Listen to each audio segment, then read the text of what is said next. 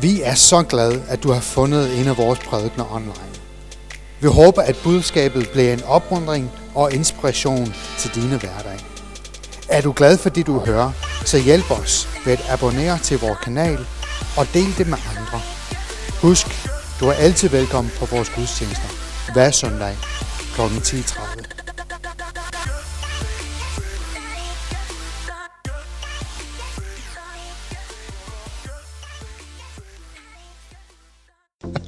Hvor er det dejligt at se jer alle sammen.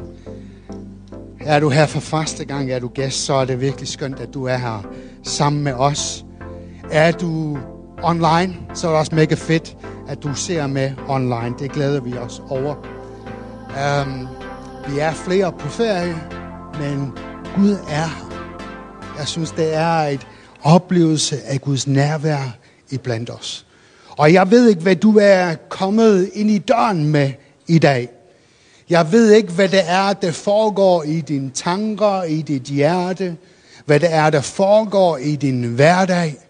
Jeg ved ikke, om det er uro, eller konflikt, eller krise. Men Gud er her i dag. Og han kan tale ind i omstændigheder.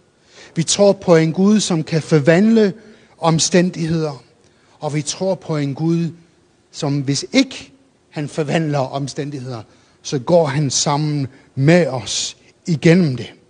Så må du blive styrket i din tro og i din ånd i dag.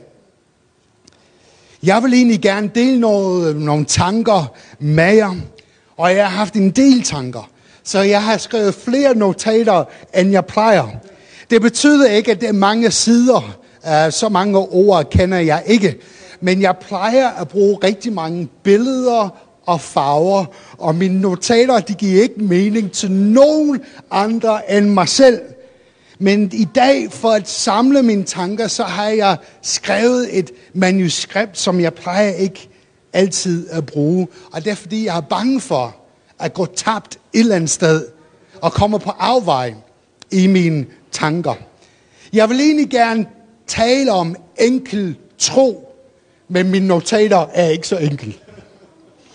Da vi havde sommercamp for en par uger siden, for jer som ikke ved, hvad sommercamp er, så er vores kirke her i Jakobskirken en del af et netværk af kirker, som hedder Apostolsk Kirke Danmark, som er en del af et netværk, som hedder Apostolsk Kirke verden over. Og hvert sommer, når der ikke er corona, så holder vi en lejr og i Kolding. Der har vi en højskole, og vi øh, bor i campingvogn og telt, og nogen op på højskolen. Vi har en rigtig fantastisk weekend med fællesskabet, men også med gudstjenester og undervisning, og en hel masse for børn og teenager og unge. Og øh, det er bare rigtig godt. Og teamet for i års sommercamp var enkel tro.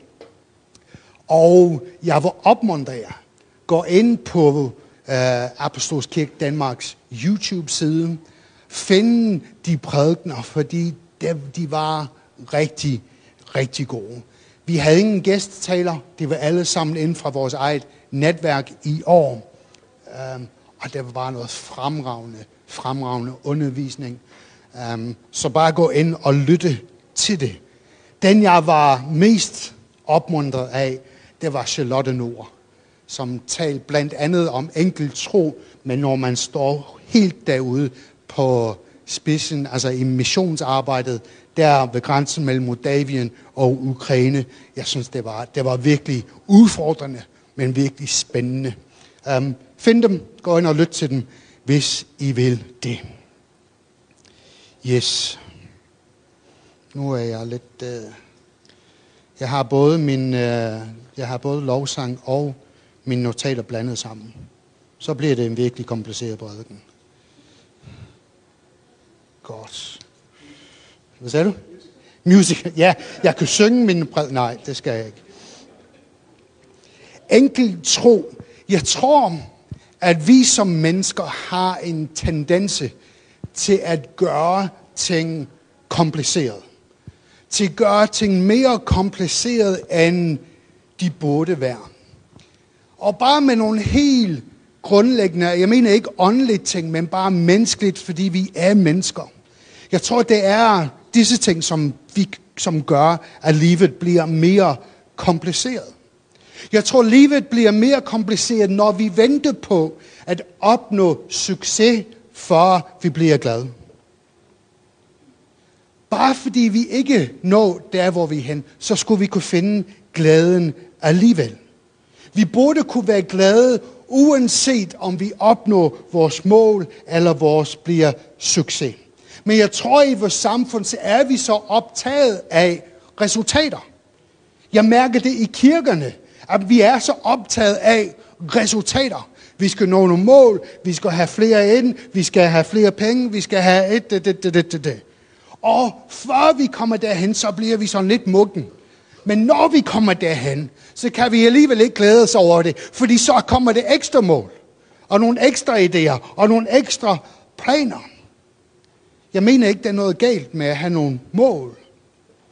Men det burde ikke være opnå, at opnå vores mål, eller blive succesfuldt, som giver os glæde.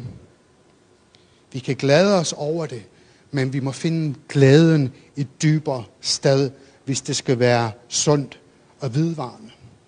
En anden ting, som jeg tror gør livet kompliceret, og måske er det kun mig, men når jeg forventer, at alle andre skal tænke eller være ligesom mig, eller være på en bestemt måde. Men vi er alle sammen unikke individer. Vi er alle sammen skabt unikke. Og det vil være fantastisk, hvis I alle sammen mente det samme som mig. Det vil også være fantastisk for jer, hvis I så ud, som jeg gjorde.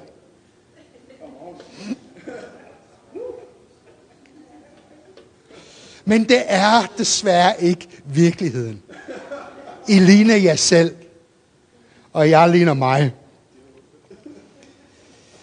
Jeg tror, det er normalt at forvente, almindeligt at forvente, at folk omkring os tænker eller opfører os på en bestemt måde. Det gør vi som forældre over for vores børn. Vi har nogle forventning til, hvordan de skal opføre sig.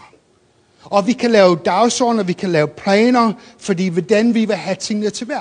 Hvordan vi vil have vores ægtefælde til hver. Hvordan vi vil have vores venner til hver. Hvordan vi vil have vores kollega til hver. Og vi bliver irriteret og sure, når folk ikke lever op til vores forventninger, som vi har pålagt dem. Det kan skabe frustration, og det kan skabe skuffelse for dig selv.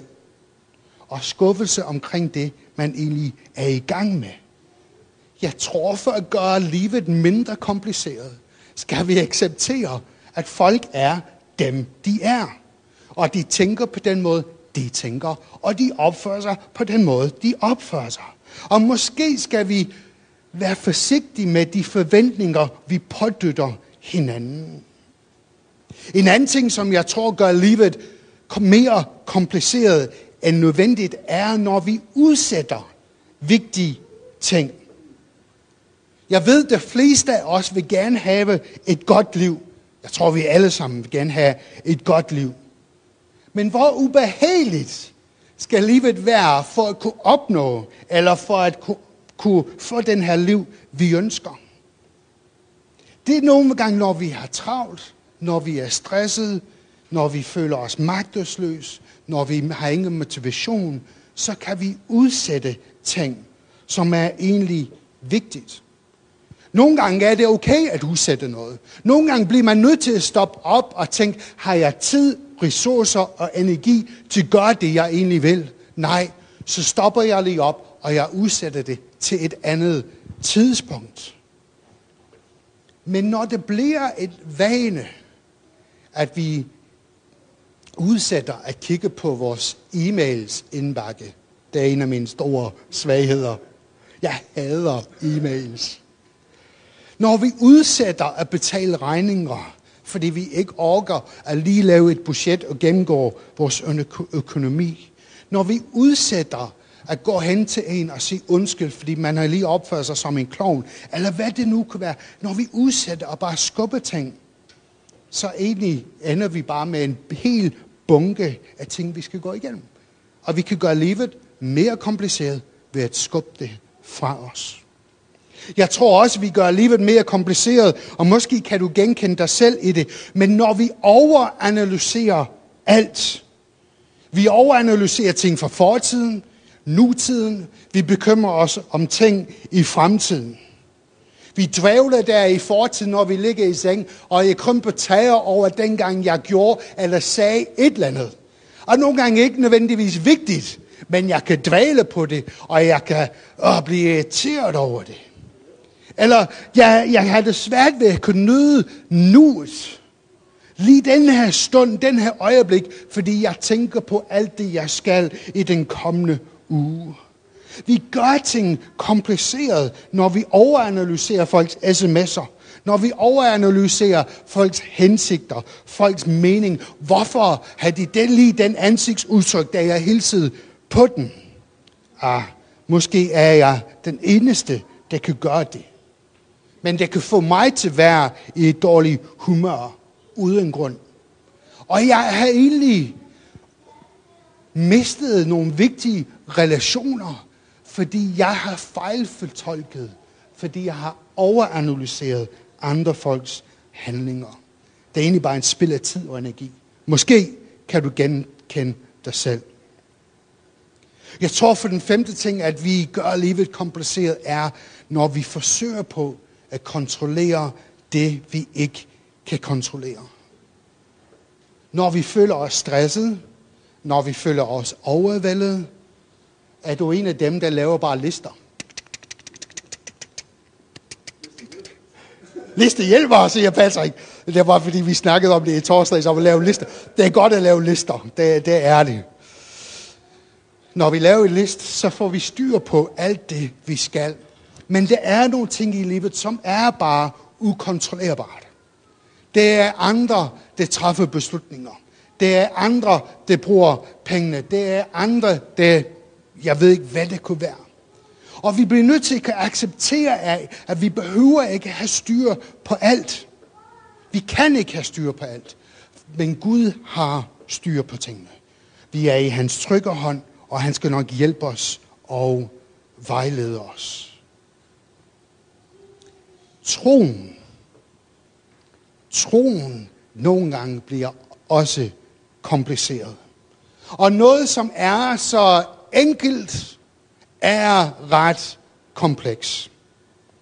Jeg tror, at vi gør troen kompleks, kompliceret, svært, når vi forventer at leve sammen med Gud, at leve i hans velsignelse, leve i hans nåde, men vil ikke dø til vores eget ego. Når vi ikke lægger vores egen rettigheder ned. Når vi ikke overgiver os til ham. Når vi forventer, at vi kan gå på den brede stige, og alligevel forventer, at han velsigner os. Fordi så bliver vi skuffet, vi bliver sure, vi bliver vrede. Guds nåde er der for os altid. Men noget er ikke en undskyldning til bare at leve, som vi vil. Når vi bliver kristne, så ligger vi os selv ned. Vi tager Jesus skikkelse på os, og vi går efter, stræber efter, efterfølgelse. Et liv, som giver ham ære og glæde. Skal vi ikke lige bede sammen? Helligånd, jeg beder om, at du må gøre noget med dit ord i dag. At det må tale til vores hjerte. At det må være opmuntrende. At det må give os styrken. Må du hjælpe mig med de tanker, jeg har til at få dem sagt på den rigtige måde. Må vi have hjertet til modtage i dag. Amen. Jeg tror, kristendom bygger på et radikalt forestilling om, at Gud valgt at træde ind i vores verden. At Gud valgte at blive menneske og komme ned og være sammen med mennesker ligesom dig og mig. At Jesus valgte at leve et liv, som vi lever et liv. Og i det, så var det nødvendigt for Jesus til at kunne acceptere, det er måske det forkerte ord, Jeg er udlænding. Men konsekvenser af at blive menneske. Og det er, at man møder os døden. Jesus døde, ligesom vi vil dø. Men vi har en tro og en tillid til, at Jesus opstod igen tre dage senere. Og det er det, det giver os håb. Vi skal ikke være bange for døden, fordi vi ved, hvor vores håb er, at den er i evigheden. Men der er noget i, at Jesus døde og opstod igen tre dage senere, som for mig i min ren menneskelighed er mystisk. Den er svært at forklare. Det er svært at forstå. Jeg læser evangelierne, og jeg har tillid til, at det er Guds ord. Jeg har tillid til de øjenvidner, som fortalte, at de mødte Jesus. Jeg har tillid til de, hvad var det, 200, som sagde, 500, tak Patrick, 500, som sagde, at han opstod igen. Men hvordan, hvad der skete? Rent biologisk, eller åndeligt, eller jeg ved det ikke, den er et mysterium for mig i hvert fald. Det virker umuligt. Ikke sandt? Men vi har tro og tillid til, at det er sandt. At døden har ikke det sidste ord. At vi har evighed i vente. Og Jesus banede vej i evigheden ved at han besejrede døden og opstod igen. Men hvis du er ligesom mig, så kan du have en masse spørgsmål.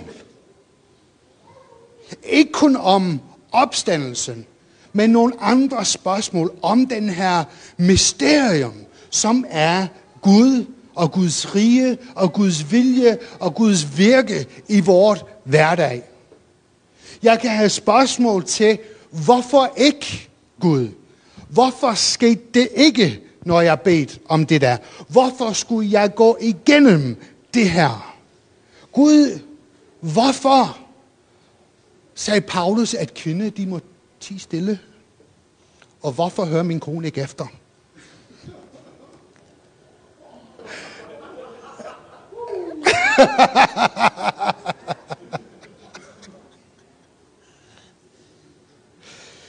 Andre spørgsmål, vigtige spørgsmål. Den her mysterium, som troen er. Og når man forsøger på at lukke op for alt muligt.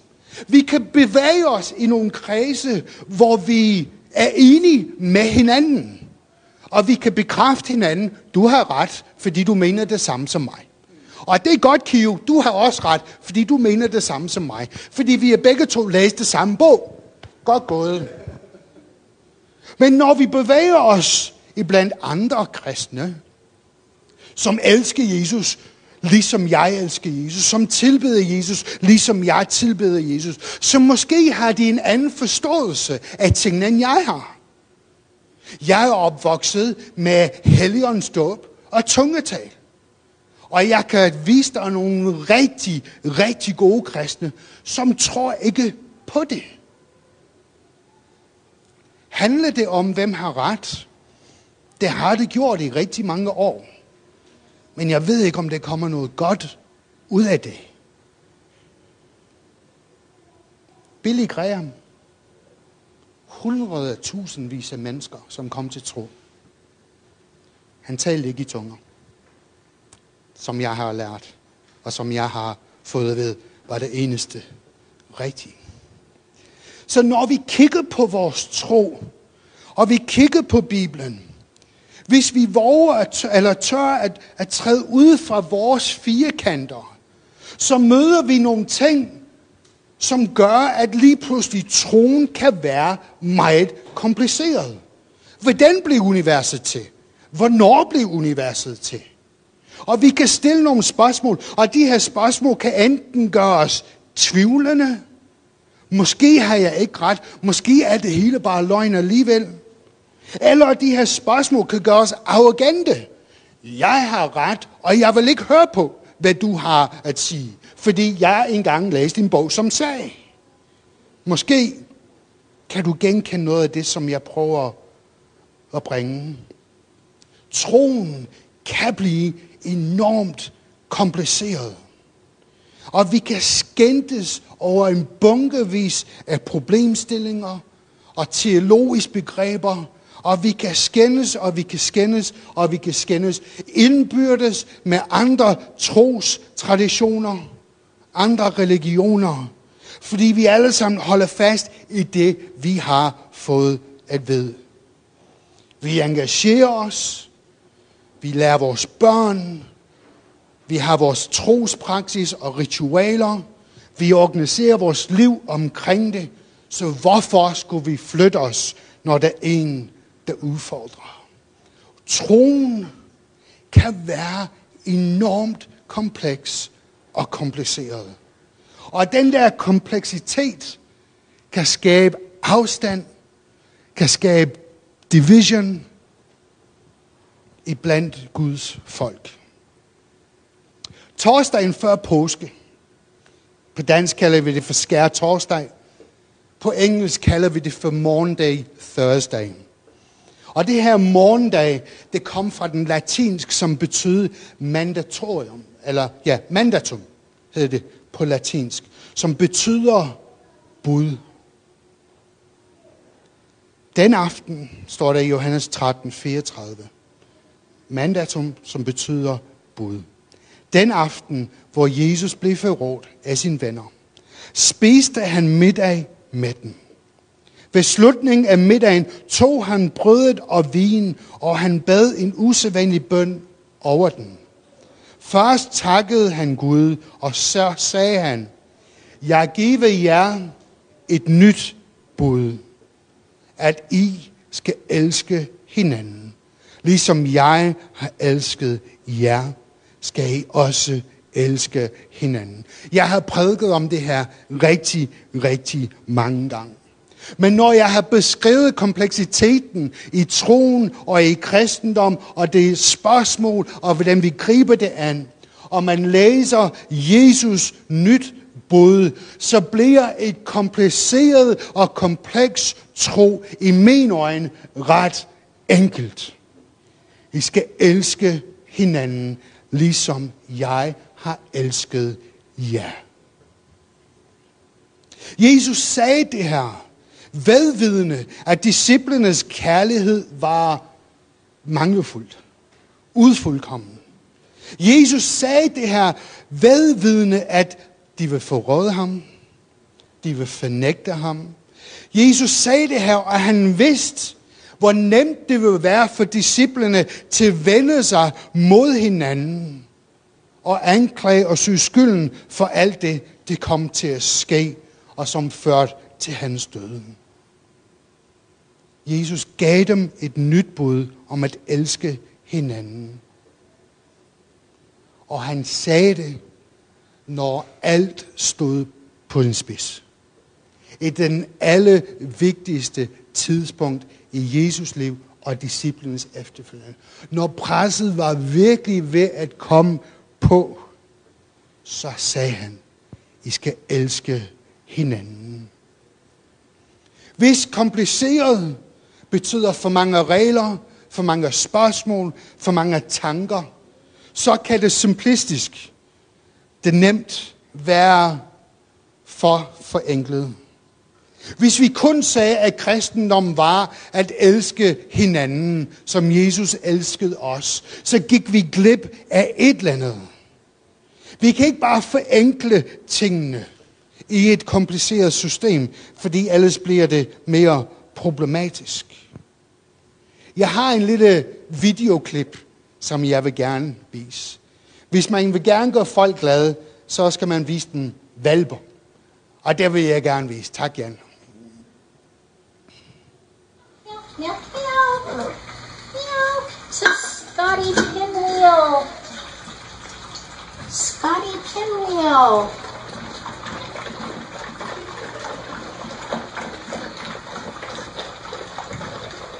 Kan I se det? Fra en tallerkenmælk, og så går de alle sammen rundt. Tak, Jan. Du må gerne slukke for den igen. Det her var en uh, viral video, som kørte på YouTube. Og som I kan se, valperne de bevæger sig fuldstændig ens og cirkulerer rundt om den her tallerken, som de var programmeret til at gøre det. Jeg ved ikke, om de lavede en aftale, eller, eller hvad, eller om det var bare noget, der skete naturligt. Jeg er ikke sikker på, at man vil kunne træne de her valpe til at gøre det. Altså, jeg har set folk, som er vanvittigt gode til at træne deres hunde og valpe, men jeg er ikke sikker på, at man kan træne valpe til at gå rundt sådan der rundt om en tallerken mælk. Så noget koordineret adfærd tror jeg ikke, at de har. Jeg er præst. Jeg ved, hvor svært det kan være at få folk til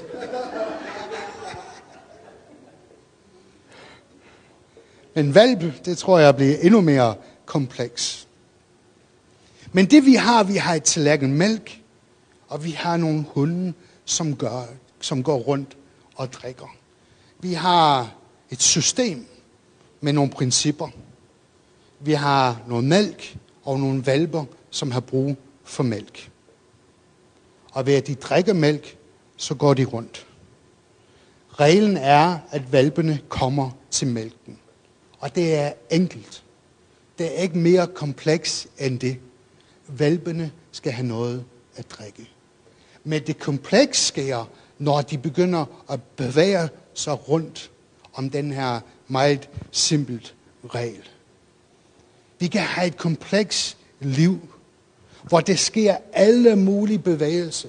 Vi har rigtig mange ting, der skal hænge sammen. Vi har rigtig mange ting, der skal fælles i hak, falde i hak med hinanden. Vores arbejde, vores familie, vores ægteskab, vores økonomi, vores kirke, vores tjeneste. Mange ting, som skal spille sammen.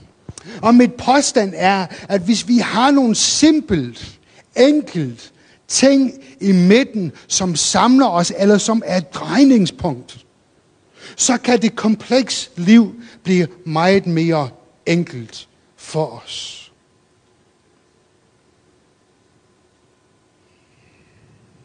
Jeg tror, at Kristus gav os de her simpelt ting, som vi kan samles omkring. Og så kan vi få det kompleks til at navigere rundt om den her tallerken mælk. Da Jesus blev spurgt, hvilket af lovene er den største, så sagde han, elsk din næste som dig selv, Elsk Gud af hele dit hjerte. Igen, noget så simpelt. Elsk din næste som dig selv, og elske Gud med hele dit hjerte, med alt, hvad du har. Nogle gange at elske, det betyder kys og kram. Nogle gange betyder det at fortælle de barske, svære virkelighed og realiteter. Nogle gange kæmper vi for fred, andre gange skal vi gå lidt på angreb. Den her underliggende bud om kærlighed går Jesus så blid som et lam, men også nogle gange så farlig som en løve. Og begge ting, begge ting på samme tidspunkt. Kærligheden er central til den kristne liv. Og det er det, der giver os lidt af en paradoks i vores hverdag. Det er det, som kan give os nogle spændingsfelt.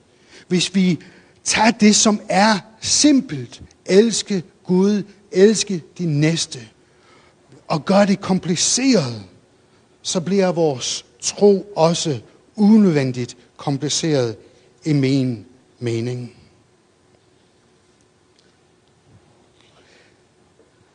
Jeg mener, at nogle gange i kristen liv, i troen, så forsøger vi på at sætte tingene i sådan nogle fem trins planer. Eller syv trin til. Syv trin til rigdom, syv trin til fred, syv trin til et eller andet.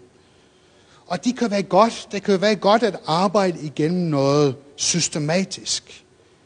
Men de er bare hjælpere. Farisæerne, de prøvede at sætte ting systematisk. Og de gjorde troen enormt kompliceret. Og det, som var så kompleks, var bare et, et tungt vægte på deres skuldre og på andres skuldre. De oplevede ikke den frihed, som evangeliet kom. Endda kunne de ikke se, når de gode nyheder blev præsenteret for dem, fordi de var blindet af alt det kompleks, som lød så fint, men som Paulus vil måske bare kalde som klingende symboler. I Matthæus 16, så ser Jesus det her. Da Jesus, da sagde Jesus til sine disciple, hvis nogen vil efterfølge mig, skal han fornægte sig selv og tage dit kors op og følge mig. Den, der vil frelse sit liv, skal miste det. Men den, der mister sit liv på grund af mig, skal finde det. Matthæus evangeliet 7, 14. Gå ind ad den snævre port, for ved af den port og bred af den vej, der fører til fortabelsen. Og der er mange, der går ind ad den. Hvor snæver er ikke den port, hvor trang er ikke den vej, der fører til livet. Og der er få, som finder den. Igen noget så simpelt. Hvis du vil gerne gå efter mig, så kan du ikke gå efter dig selv. Hvis du vil gerne efterligne mig eller efterfølge mig, så kan du ikke bare gøre det, du har lyst til. Ordet ego findes ikke i Bibelen, men principper og begreber, de findes.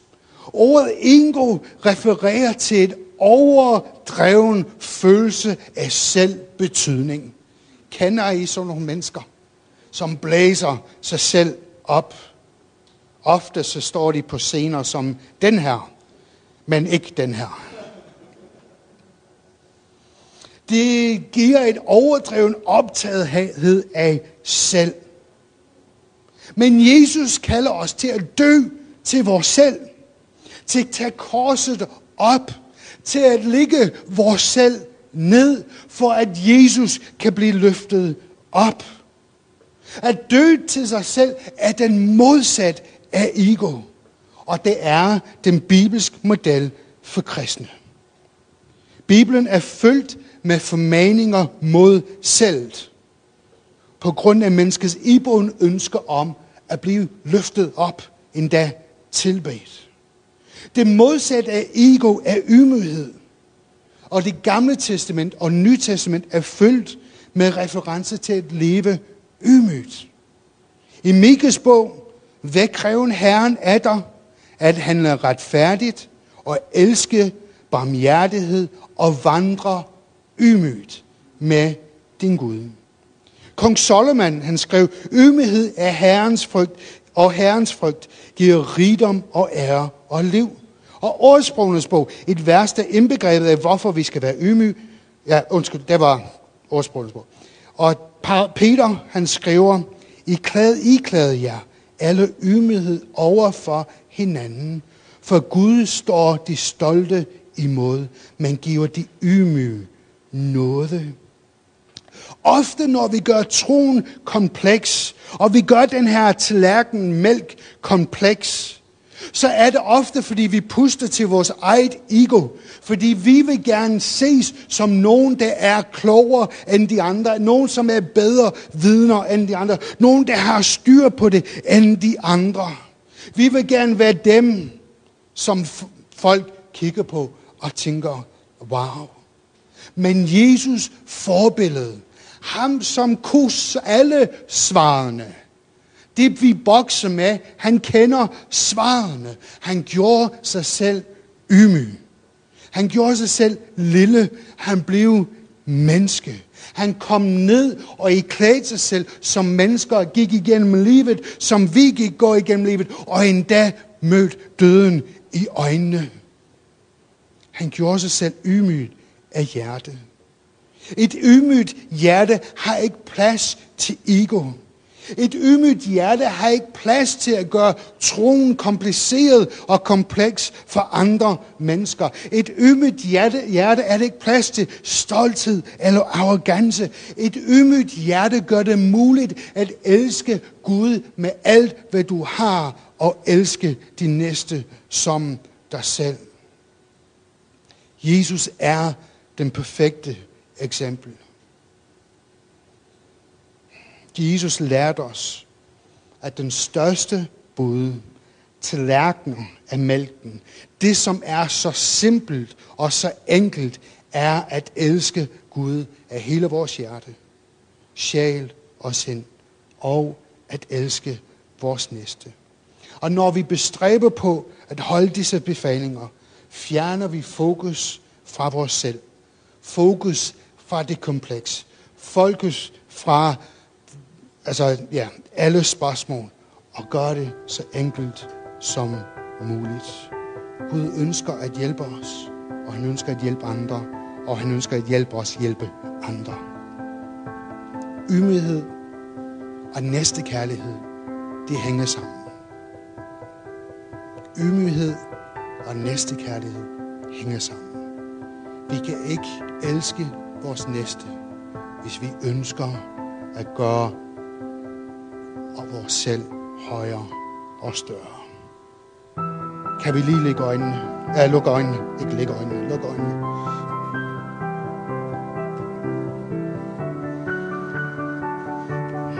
Jeg håber, at I har fået fat i det, jeg prøvede at udfordre med i dag. Jeg vil gerne bare bede, at Gud må, må hjælpe os. Fokus på det rigtige ting. At Gud vil hjælpe os for et ydmygt hjerte. Og i stedet for at spille klogt, at vi må beholde troen som noget simpelt og noget enkelt i livets kompleksiteter. Helligånd, vil du komme og hjælpe os? For nogle af os, så kan ydmyghed være enormt svært. For nogle af os, det kan være enormt svært at gå på den smalle stige, den smalle vej. For nogle af os, det kan være svært at dø til vores selv. Dø til vores ego. Men jeg beder, Helion, at du må hjælpe os. Der, hvor vi har nogle kanter, nogle skarpe sider og nogle mørke sider. Helion, vil du komme og hjælpe os. Jeg takker for nåden i det. At du kommer ikke anklagende. Du kommer ikke fordømmende. Men du kommer med kærlighed og lige vise os, hvad det er, der skal lige sættes på plads. Giv os salgelsen til at være ydmyg. Ikke mindre værd, men ydmyghed. Hjælp os til at elske hinanden. Til at hjælpe, til at elske vores næste. Til at elske dig, Gud Helligånd. Hjælp os. Og der, hvor vi kan have en tendens til at gøre alt så kompliceret, Helligånd, vil du minde os om, vil du minde os om, hvor enkelt troen kan være i et kompleks verden. Hjælp os, Helligånd.